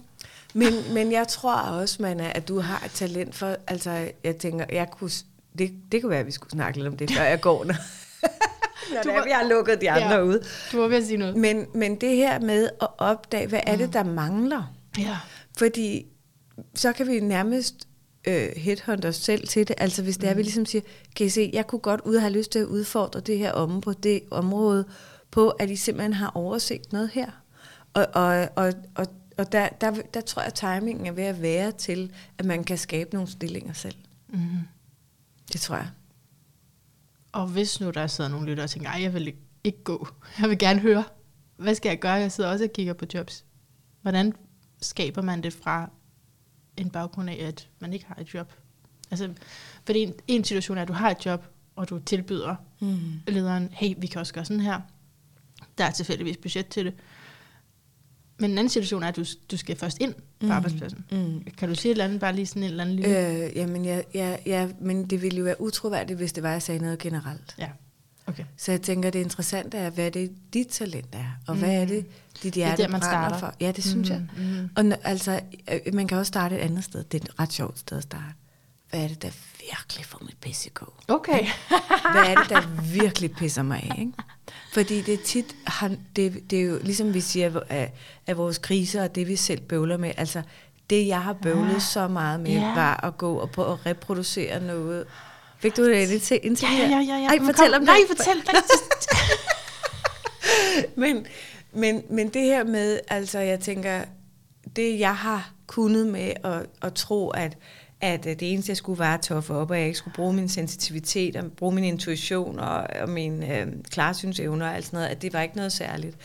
Øhm, at, at det har jeg jo skærpet og bruger. Det er, jo, det er jo det, jeg bruger, og det er det, jeg lærer andre at bruge. Ikke? Så det der, som vi selv har devalueret, fordi vi har taget programmeringen, der hed, det er ikke noget værd, det er jo det, vi skal hele og hjælpe andre med at hele. Det er det, du selv har slåsset med. Ja, så det er jo det, du også skal. Mm. Jeg tænker, det kan være, det er dig, der skal lave podcasten for de unge, ikke? Og øh, altså, Ja. hvis du har et hjerte der, og for alle mulige andre, altså i, i stedet for, at du sender mig og nogle Jamen, andre det er også mere, fordi de lytter jo ikke, når det er ens mor. Vel? Okay, fordi der er kun de to unge mennesker Nej, der nej, nej. i huset.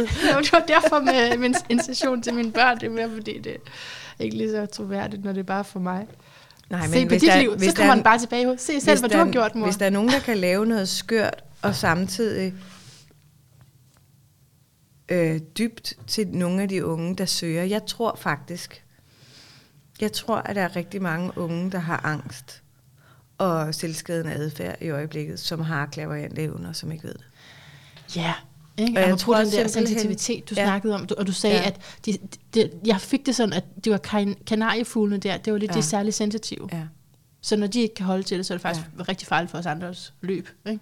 Ja, ja, lige præcis. Mm. Men det er jo derfor, jeg er travlt. Det er derfor, du Ja, er travlt. ja. Det er derfor, det er fedt, at du laver det her forum, hvor der er så mange mennesker, der kommer ind og inspirerer andre til at tage livtag om deres talenter og formål i livet, så vi kan, så vi kan øh, ændre gamet. Kan ikke? gøre noget. Apropos, øh, at vi har travlt, ikke? så er vi selvfølgelig gået over tiden. Nå, Sådan det. havde vi en tid? Nej, nej, jo, altså, jeg har- prøver at være omkring en time, ikke? Nå. Det er også fint, at vi er stadig omkring den. Øh, så men, men skal vi ikke lige gå over til det lidt mere magiske segment, hvor at du øh, tænker på et spørgsmål, blander nogle kort. Ja. Hvad siger du det? Hvad for nogen skal Du jeg tage? har tre bunker foran dig, mm. og du blander dem i de bunker, ikke? sådan hver for sig. Og så kan du lige sådan tune ind, og hvis du har et spørgsmål, og ellers så er det bare din energi der, uanset hvad er det din energi. Men Jeg tror, i dag tager vi bare det, der kommer. Vi tager det, der kommer. Hvad kommer til dig? Jeg blander, det kan lytterne høre her. Hvad har vi? Hvad har vi? Jeg er så spændt. The Ninth House, der står... Øh, hold kæft, jeg er så gammel, jeg Nej, mangler jeg- jeg- læsbriller. Jeg Nå, du tolker kan bare ja. Sagittarius og Mercury. Ej, hvor er det sindssygt. Fortæl, du sidder og har en fest med dig Ej, selv. men Du er det nødt har til at jeg. indvige os andre. Jeg tror, at i aftroen, der er jeg nødt til at lægge lidt mere om dit horoskop, for jeg havde også skrevet meget mere ned. Jeg ville bare ikke tage taletiden. Men altså, Det skal du da gøre, det er dit program. ja, ja, men altså, interessant. Altså, det var mere interessant at faktisk at høre dig. Ikke? Men 9. hus, det er skyttens hus. Ikke? Oh, shit, jeg er meget skytte. Ja, du er så meget skytte, og Sagittarius, det er skytte, ikke? Og så med kur, så, den har du, det er kommunikation, og du har den i, i 9. hus i skytte. Så det, så det er ligesom, øh, det er ligesom kortene, de siger, at det her område af dit horoskop er centralt, men altså det, øh, ja, Det vidste du godt. det vidste jeg godt, ikke? Sig noget andet, ej. Øh, det er sådan en energi, der skal ud. Virkelig en mission, du er på, til at inspirere andre til, hvad end de skal. Ikke? Mm, tak. Jeg sidder og tænker på, når det er, at du siger det her, og at du laver det her program, og du selv synes, det er svært at finde frem i vej, vej frem, så tænker jeg, at lytterne her, de kan jo få en session hos dig. Ja, Altså i forhold til, hvor du hjælper dem med at, at finde deres vej i ja det kan de godt. Altså i stedet for, at du, det, er det der kan være svært ved at være vært, ikke? det er, at du får alle mulige andre ind, og du får faktisk ja. ikke fortalt, hvad du kan. Mm. Og, og hvor meget du har på hjertet, og det kan jeg mærke, du har. Ja, det tænker jeg, man må... Det må man mærke mellem linjerne eller et eller andet. Ja, jamen, det, det, det, det, det kan jeg, jeg kan også tydeligt mærke det, men nogle gange Ja. skal folk også have det at vide. Ja. Så det, det vil jeg faktisk gerne lige reklamere Nå, for. tak, det er af dig. Men det kan simpelthen så meget, synes jeg jo, de her arketyper. Ja, da jeg så dit horoskop, så tænkte jeg i hvert fald, ej, det vil jeg også. Hvad vil du også? Ud med det der budskab der. Altså, Skal jeg kunne trække nogle kort til dig? mærke- Det må du da godt. det vi også har til fælles med vores skytteenergi, det er, at øh, vi begge to har herskeren i fisk. Hvad betyder det? forskellige steder. Vi er meget forskellige, ikke på den måde, men når, når man har, jeg har et skyttestelium, det har du også. Et skytte hvad? Stelium, altså flere planeter i tre eller, fli, eller flere, siger man. Mm. Blanding af indre og ydre planeter i skyttens tegn. Ikke? Eller Mhm. i, et tegn, så det er et stelium. Øh, Men så ser man så på herskeren over det, for lige at forstå lidt nuancerne, og hvad, mm, hvordan smager den her skytte. Og den har vi så begge to i fisk, som jo også kunne være i alle andre Mm. tegn. Ikke? Og det, det er hjælpeånden. Det er hjælpeånden. Det man, man vil det så gerne, og så er det selvfølgelig også idealismen. Hvad har du trukket til mig? Jamen, før jeg siger, hvad jeg har trukket til dig, oh, nej. så vil jeg bare sige, at, øhm, at der, der er faktisk en rigtig vigtig pointe til dig og til lytterne her. Og, og det er det der med, det som vi tænker omkring andre, tænker, åh, oh, det vil jeg også gerne. Ja. At det er noget, vi selv har potentiale for, mm. som vi pludselig kan mærke. Mm. Så der, så der er to ting i det. For det første, så når vi ser et andet menneske, vi bliver misundelige på, så, altså, så øh, det er også igen en skar med hendes fede ord, så taler hun om det der, pl- at, at tænke på det som plusundeligt. Det er en påmindelse til os selv om, det her rummer jeg selv. Jeg er måske bare ikke så langt i udviklingen endnu, men det er en invitation til mig selv om at eje det. Ja. Det er den ene del.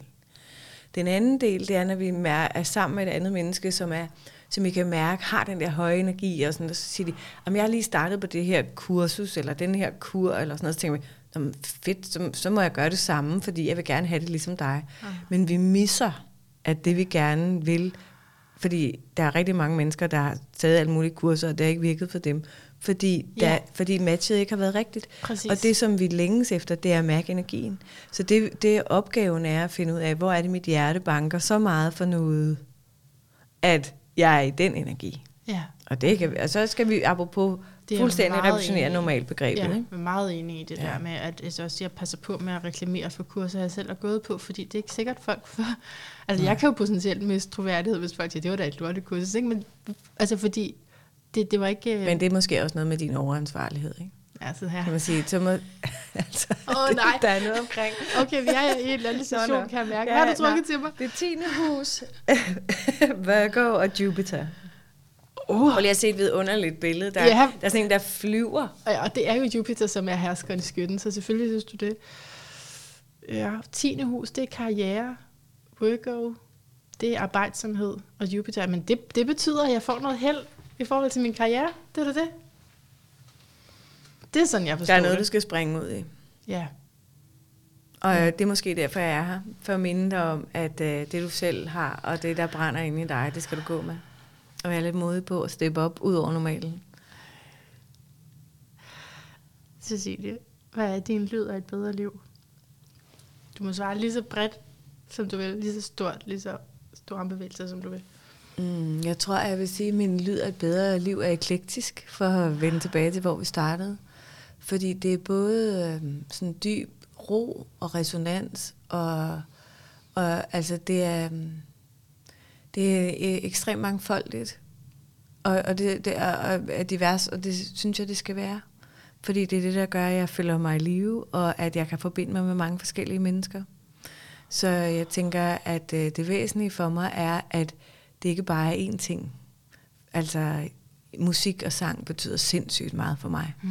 Og jeg arbejder også med det. Jeg har lavet, øh, både jeg sunget på nogle af mine kurser, og jeg har arbejdet med, øh, de har fået klangbad og alt muligt, for ligesom at, få, at kunne mærke sig selv. Ikke?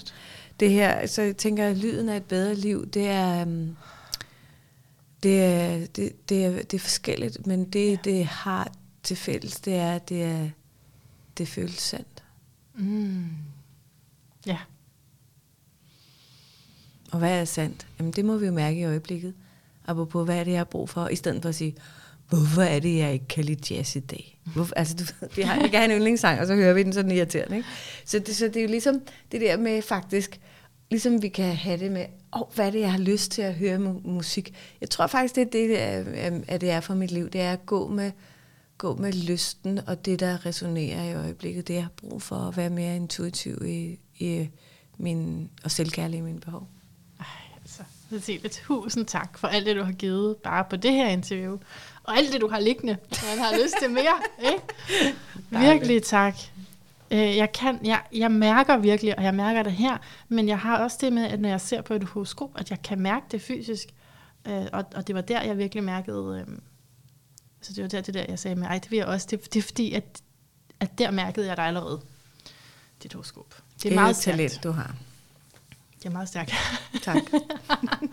du vil gerne snakke om mig. Nej, men jeg, jeg, vil- jeg, det er fordi, at der er noget af det, du siger, som Ja. jeg ejer allerede, og så, Ja. så sker der det for mig, så får jeg lyst til at spejle dig mm. i forhold til, Nå, at det, du taler måde. op hos mig, Right. at det skal du se hos Du dig selv allerede. også. Yes, ja. Mm-hmm. Øhm, og, og det er ikke det samme, som jeg bliver virkelig, virkelig glad for det. Mm. Mm. Og, det og, det og det er meget betydningsfuldt for mig. Det er meget betydningsfuldt for mig også, når folk skriver til mig, at øh, ligesom jeg, der har hørt denne her program, mm. at altså, fordi ligesom jeg brænder, så skal jeg jo også vandes nogle gange. Det er jo ufedt, det må du også opleve, Anna, det der med bare at lave 252 programmer. Altså hvis ja. der ikke er nogen, der skriver Og tilbage, ingen likes. Ingen... så, så, bliver du, så dør du også. Sådan har jeg da selv haft, ikke? Ja. Ja. Og så tror folk, at Manna, hun er jo bare, hun mm. laver det der hele tiden. Hun er hele tiden i ilden og hele tiden øh, er i tillid. Øhm, nej, det er du heller ikke, for du er også menneske. Ikke? Og nogle gange så bliver du i tvivl, har det den effekt, der skulle... Uh. Mm, så, det så du siger, at det vigtigt. betyder noget for dig, men det er også vigtigt at spejle tilbage til ja. Andre, der giver dig komplimenterne, at, at det ja. Også er i dem. Ja, jeg, jeg tænker, det er vigtigt, at vi spejler hinanden. Mm. Mm. Og, du, og du er så kærlig i måden, du spejler mig på. Så, så derfor så kvitterer jeg, og det er jo det, jeg Mm. lever af. Og jeg gør det, fordi at det er mit største talent, det er at spejle andre. Så det vil jeg bare gerne sige tusind tak. Det er, det er meget kærligt i lige måde. Fantastisk. Tak. Tak. Føles i stor.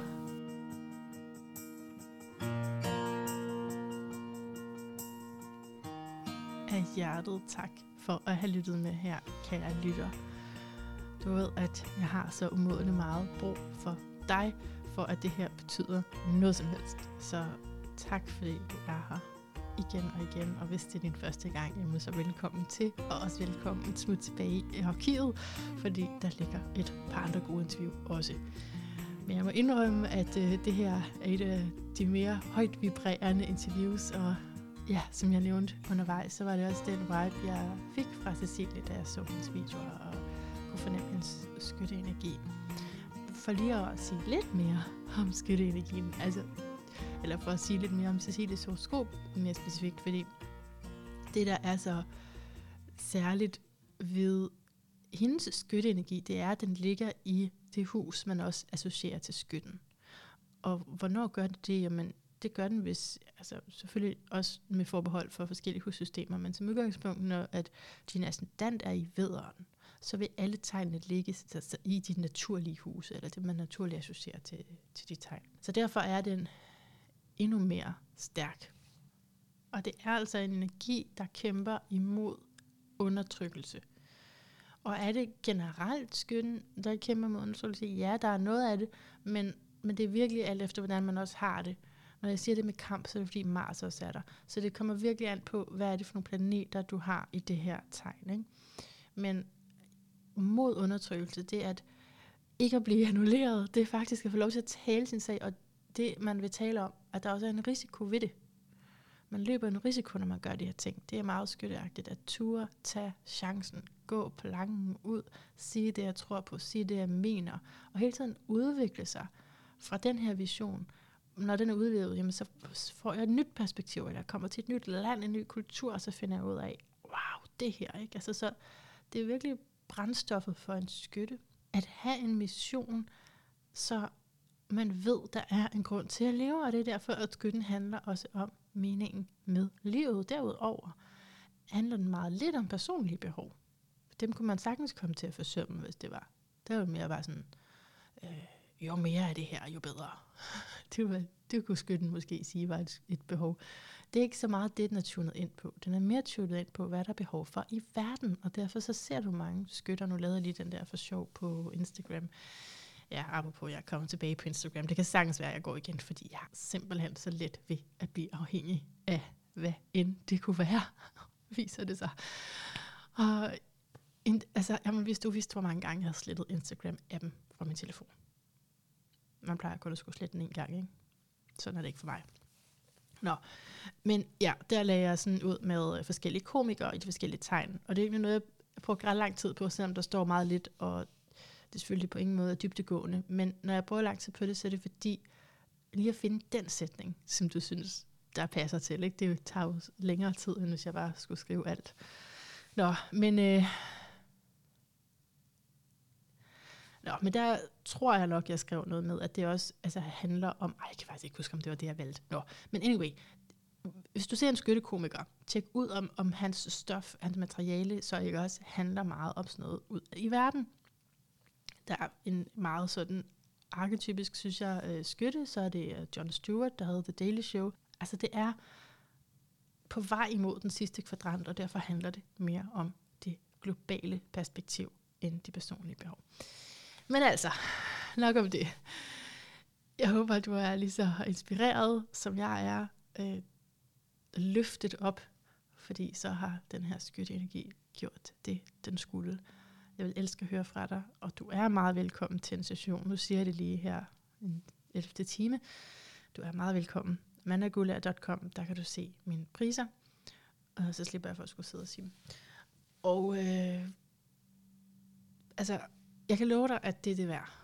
Og det er faktisk meget billigt i forhold til, hvad man får. Øhm, det er, det er sådan, jeg har det med det, fordi det er så, det er så vigtigt et ting, det kan sige om dit liv.